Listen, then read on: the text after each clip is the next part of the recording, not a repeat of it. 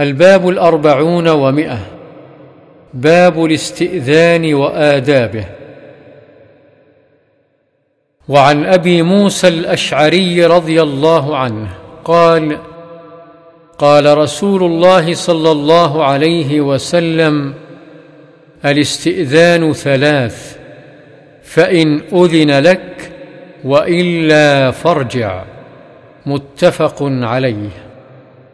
وعن سهل بن سعد رضي الله عنه قال قال رسول الله صلى الله عليه وسلم إنما جعل الاستئذان من أجل البصر.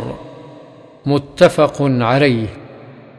وعن ربعي بن حراش قال حدثنا رجل من بني عامر أنه استأذن على النبي صلى الله عليه وسلم وهو في بيت.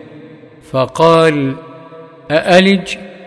فقال رسول الله صلى الله عليه وسلم لخادمه اخرج إلى هذا فعلمه الاستئذان.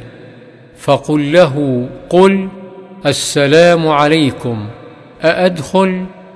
فسمعه الرجل فقال السلام عليكم أأدخل؟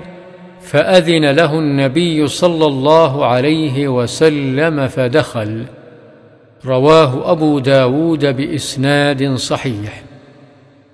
وعن كلدة بن الحنبل رضي الله عنه قال أتيت النبي صلى الله عليه وسلم فدخلت عليه ولم أسلم.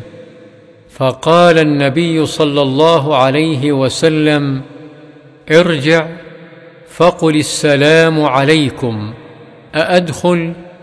رواه أبو داود والترمذي وقال حديث حسن.